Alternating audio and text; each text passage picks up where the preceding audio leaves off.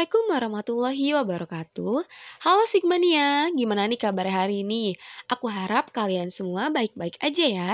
Podcast kali ini bareng aku Salma Gita Chania untuk menemani waktu luang kalian dalam beberapa menit ke depan. Dalam acara Rubik, Ruang Bicara Kita. Bagi kalian nih yang baru dengerin podcast Sigma, perlu kalian tahu Rubik ini menjadi ruang bicara online yang menyajikan segala informasi dengan narasumber yang berkompeten pastinya. Nah, dalam podcast kali ini aku nggak sendirian loh. Aku ditemenin bareng temen aku yang kece abis, yang bakalan bahas tentang kekerasan terhadap anak muda di Indonesia ngomongin anak muda, gak jauh gak sih dari masa pubertas di mana mereka mengalami perkembangan yang pesat baik secara fisik, psikologis, maupun sosial. Di masa muda yang seharusnya mendapat dukungan dari orang sekitar, justru banyak remaja mendapat tekanan melalui kekerasan. Nah, Sigmania, menurut data Simfoni PPA, terdapat 15.882 jumlah kasus kekerasan di Indonesia. Di antaranya korban laki-laki berjumlah 2.508 dan 14.603 korban perempuan. Wah, banyak banget ya, jadi ngeri deh. Langsung saja nih, tanpa berlama-lama lagi, kita sapa narasumber kita hari ini. Kira-kira siapa ya? Halo nih, gimana kabarnya? Alhamdulillah sehat walafiat. Tak kenal maka kenalan dong. Sebelum itu boleh dong sapa-sapa dulu teman-teman Sigmania. Halo teman-teman Sigmania, gimana kabarnya hari ini? Nah, Sigmania, kali ini aku sudah bersama Vicky. Nah, Vicky sendiri sibuk apa sih akhir-akhir ini? Sibuk hari ini, um, belakangan ini mungkin uh, lebih ke kerja mungkin ya, nyambi-nyambi kerja. Kalau boleh tahu kerja apa sih? Di salah satu kafe di daerah Tangerang. Wah, keren banget dong pastinya Sigmania. Oke, langsung aja ya. Uh, teman-teman Sigmania, mungkin ada yang belum tahu nih kekerasan yang ada di Indonesia. Anak muda apa aja sih? Nih Vicky, menurut lo kekerasan umum itu seperti apa sih? Menurut gua kekerasan umum yang terjadi khususnya di Indonesia itu secara umumnya terdapat tiga indikator. Yang pertama kekerasan psikis yang kedua kekerasan secara seksual dan yang ketiga kekerasan secara mental. Menurut gua itu sih. Oh gitu ya. Terus uh, apa sih menjadi yang menjadi faktor seseorang itu mengalami kekerasan gitu menurut gua pribadi mungkin itu semua nggak terlepas dari yang namanya peran penting keluarga ya. Bener banget Karena nih. kelompok kecil dari masyarakat itu kan keluarga gitu. Apalagi keluarga itu menjadi faktor utama gitu ya Vicky Iya. ya. Kita di luar lingkup, di dalam lingkup keluarga yang sehari-hari bersama mereka gitu ya pastinya. Pastinya. Terus pernah nggak sih lo ngalamin hal kekerasan yang berdampak ke diri sendiri?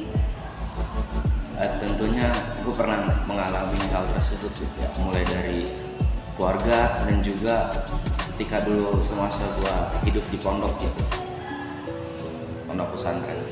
Kalau boleh tahu apa sih yang lo alamin gitu semasa pondok dulu itu? Biar Sigmanya tuh biar tahu apa, biar nanti kita ng- mengambil uh, positif gitu dari lo. Kalau dulu semasa gua mondok itu ya mungkin karena kultur juga di sana mungkin ya karena didikan dari leluhur-leluhur yang dulu gitu yang nggak terlepas dari yang namanya eh, kekerasan fisik. Kayak contohnya itu gampar-gamparan contohnya gitu. Terus juga hmm, tonjok-tonjokan kayak gitu. Serem juga ya, Iya. kayak saling tonjok-tonjokan berantem sebenarnya nggak baik gitu ya. Cuman ya udah kebanyakan turun temurun kayak seperti itu Karena gitu, kultur. kultur gitu ya. Terus eh, apa sih bentuk kekerasan yang pernah lo alamin? bentuk kekerasan ya tentunya fisik dan juga batin ya Batin nih ngomongin batin. Kalau fisik eh, lo pernah nggak sih kayak misalnya eh, ditonjok ataupun dilukai secara parah gitu? pernah. Gua itu pernah mengalami dulu pas di SMA itu ketika gue masuk salah satu ekstrakurikuler di pesantren ini. Ketika gue sebelum masuk itu ada yang namanya dilantik dengan dalih ini didikan gitu. Padahal sebetulnya itu tidak dibenarkan begitu karena ya sampai kapan pun yang dinamakan penganiayaan senioritas itu tidak dibenarkan teman-teman tapi karena kultur budaya begitu kan jadi ya mau nggak mau nggak mau gue nerima gitu Iya, seharusnya yang kekerasan dihilangin gitu malah berdampak terus uh, turun temurun gitu loh Iya. ke anak ke anak muda gitu loh. Apalagi di zaman SMA sekarang ini kan banyak juga dari kakak kelas gitu yang merasa dirinya paling senioritas gitu ya kan. Apalagi juga mahasiswa yang pernah dengar juga nggak sih kayak berita-berita gitu yang uh, anak muda di apa dianiaya bahkan sampai meninggal gitu. belum lama kemarin itu kebetulan kasusnya di alma mater gua di mantan alma mater gua di pokoknya daerah Tangerang di pondok pesantren itu ya jadi ada satu anak remaja kelas 1 SMA itu dianiaya. Kronologinya gue kurang tahu jelas. Yang gue dengar dari teman-teman gue yang kebetulan mengabdi di pondok tersebut katanya itu dia aniaya sampai pokoknya sampai nggak berdaya sampai jatuh. Awalnya yang diduga pingsan ternyata ketika dibawa ke RSUD Serang ternyata udah meninggal. Itu awalnya bentuknya dari itu ya senioritas, senioritas. iya senioritas. Ngeri banget ya. Apalagi kita sekarang ini kan harusnya eh, harusnya kayak pendidikan aja gitu loh, nggak harus ada kekerasan seperti itu gitu. Takutnya berdampak juga nanti dia ada trauma gitu ya kan. Ke depannya nanti dia bakal inget kejadian itu terus. Nah berakhir menjadi orang yang introvert. Setuju nggak Vicky? ya setuju Kalau Vicky sendiri introvert nggak sih? Ah ngomongin introvert extrovert ya. Sebetulnya gue kan sering juga nonton podcastnya itu dokter analisa Widyaningrum kebetulan beliau ini dokter psikolog di Universitas Gajah Mada. Beliau mengatakan di podcast tersebut bahwasanya setiap orang sebetulnya itu memiliki sisi introvert dan extrovertnya tersendiri. Cuma ketika di satu momen tertentu itu lebih condong ke mana lebih condong ke introvert atau extrovert begitu. Cuma kalau gue pribadi gue tipikal orang yang gak suka keramaian pertama. Gue ketika gue ke kampus gue kebanyakan mojok pakai headset baca buku atau enggak apa pun yang bisa gue lakuin menghibur diri gue sendiri. Yang yang terpenting jangan di keramaian begitu. Kalau gue pribadi mungkin lebih condong ke introvert mungkin ya. Gitu. Iya, kalau pribadi saya juga eh, orang introvert tuh berawal yang biasanya dulunya tuh dibully, dianiaya. Nah itu eh, bentuk kekerasan juga ya kan. Jadi kayak kita tuh harusnya tuh nggak boleh gitu tuh, harus sama-sama rangkul nggak sih, bener Iya. kan? Gitu. Nah gimana sih Vicky cara lo ngatasin kekerasan itu? cara mengatasi hmm, mungkin gua mencoba untuk berdamai ya berdamai dengan keadaan berdamai dengan diri sendiri bahwasanya setiap apa pun yang terjadi dalam hidup gua itu kan di luar kendali gua. Gua pernah membaca salah satu referensi judulnya itu filosofi teras karyanya Henry Manumpiring di situ dikatakan salah seorang filsuf bernama Epictetus di situ dikatakan dalam hidup manusia itu nggak terlepas dari dua hal. Yang pertama apa yang tergantung pada kita. Yang kedua apa yang tidak tergantung pada kita. Yang pertama apa yang tergantung pada kita sebagai manusia kita sebagai manusia hanya terbatas pada hal tersebut. Karena apa? Sampai kapan pun yang namanya eh, hal terdu- hal kedua yang tadi gue sebutin yang apa yang tidak tergantung pada kita itu di luar kendali kita sebagai manusia. Seperti contohnya kita lahir di keadaan keluarga yang kayak gimana kita lahir di keadaan ekonomi keluarga yang kayak gimana kita lahir di situasi yang kayak bagaimana kita kan nggak bisa milih hal tersebut. Itu semua kehendak yang di atas begitu kan? Ya betul betul. jadi yang bisa kita lakukan ya menjalani proses dan percaya bahwasanya semua akan indah pada waktunya. Percaya Tuhan akan memberikan takdir yang baik buat kita Iya. gitu betul kan? Apalagi orang yang suka nggak percaya nih gue ngerasa kayak misal nih gue ngerasa kayak nih kok hidup gue gini banget sih nggak adil banget. Nah nggak boleh gitu kan? Harusnya percaya gitu sama Allah gitu. Terus eh, tanggapan lu nih Vicky tentang hukum di Indonesia yang tidak memidanakan nih bagi pelaku ke- kekerasan di bawah umur nih ya. Terus sedangkan kita tahu yang alami yang kita alami pelaku kekerasan itu eh, apa ya? Hukumannya itu tidak sesuai gitu malah denda sama tidak sanksi doang. tidak sepadan Iya tidak sepadan. Padahal sebetulnya data mencatat catatan Komisi Perlindungan Anak Indonesia KPAI menyatakan kekerasan pada anak selalu meningkat setiap tahun. Hasil pemantauan KPAI dari 2011 sampai dengan 2015 itu terjadi peningkatan yang sangat signifikan. Tahun 2011 terjadi 2178 kasus kekerasan.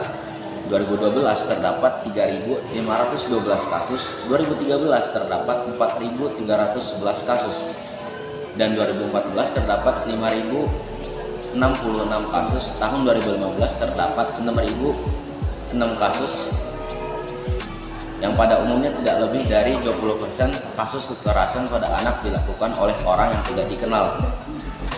Begitu. Jadi kalau menurut gua pribadi, seharusnya udah seharusnya gitu eh, instansi-instansi pemerintah ataupun instansi instansi lembaga yang melindungi anak ataupun perempuan itu sudah sepatutnya memberikan pidana yang sepadan gitu kepada pelaku-pelaku yang melakukan kekerasan tersebut. Tapi yang terjadi hari ini itu semua nggak sepadan gitu kan. Ya mungkin yang kita tahu pemerintah tuh mikirnya masih anak muda nih masih di bawah umur jadi Iya. mikir ke keluarganya juga gitu. dengan dalih masih di bawah umur gitu kan dengan dalih eh, ya udah mungkin eh, cukup dijadikan pelajaran ditegur doang selepas itu udah masih berkeliaran di luar sana. Padahal kan iya padahal kan kekerasan tuh yang di bawah malah lebih parah dari anak, Iya. anak dewasanya sendiri kan. Sampai pembulian itu ada kasus waktu itu pernah pembulian tuh sampai si orang itu tuh keluar dari sekolahnya atau sampai meninggal juga ya kan gitu. Ini juga buat berdampak harusnya sebagai orang tua gitu harus mengawasi juga sih gitu. Nggak harus apa sih nggak ngelepas anaknya begitu aja ya kan karena balik lagi ke hal tadi bahwasanya orang tua itu sangat berperan penting terhadap tumbuh kembang anak begitu mau jadi apa pun anak ke depannya itu pasti nggak terlepas dari peran keluarga betul ya tentunya peran ayah dan ibu Mm-mm, betul sekali nih Vicky. Apalagi keluarga tuh sebagai nomor satu juga kan kita bahas di awal tadi keluarga Iya. menjadi nomor satu.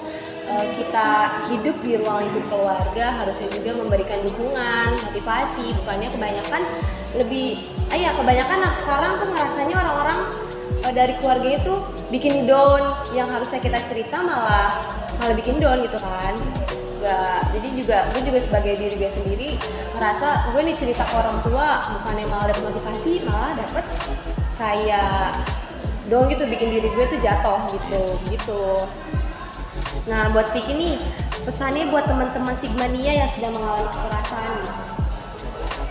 Pesan untuk anak-anak remaja di luar sana yang sempat merasakan yang namanya kekerasan secara fisik au- ataupun non fisik maupun itu di keluarga ataupun di lembaga ya tentunya sekolah.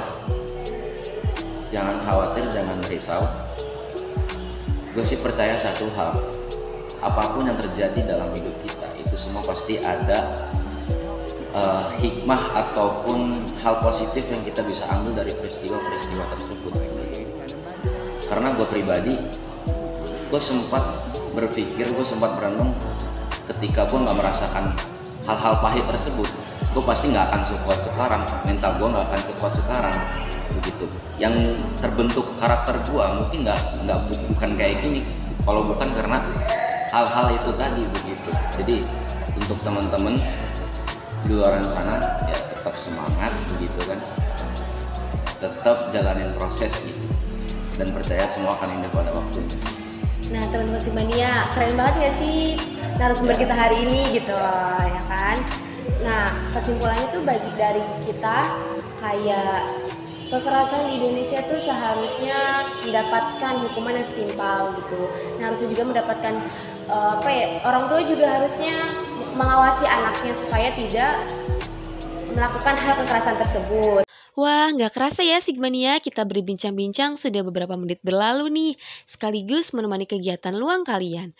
Terima kasih Vicky sudah meluangkan waktunya. Buat Sigmania, pada podcast kali ini aku harap kalian mengambil hal positif dari acara ini ya. Bisa menjadi motivasi bagi diri kalian, selalu semangat dan jangan pantang menyerah dalam kondisi apa pun. Oke Sigmania, sepertinya kita berdua pamit undur diri. Dari Irian banyak cendrawasih, roti mengembang diberi ragi. Cukup sekian, terima kasih. Semoga besok berjumpa lagi. Buat Sigmania, jangan lupa untuk terus ikuti dan kunjungi sosial media LPM Sigma di Spotify, Podcast Sigma, Anchor, website www.lpmsigma.com, dan Instagram ya di Alpem Sigma. Aku Salma pamit undur diri. Wassalamualaikum warahmatullahi wabarakatuh. See you guys.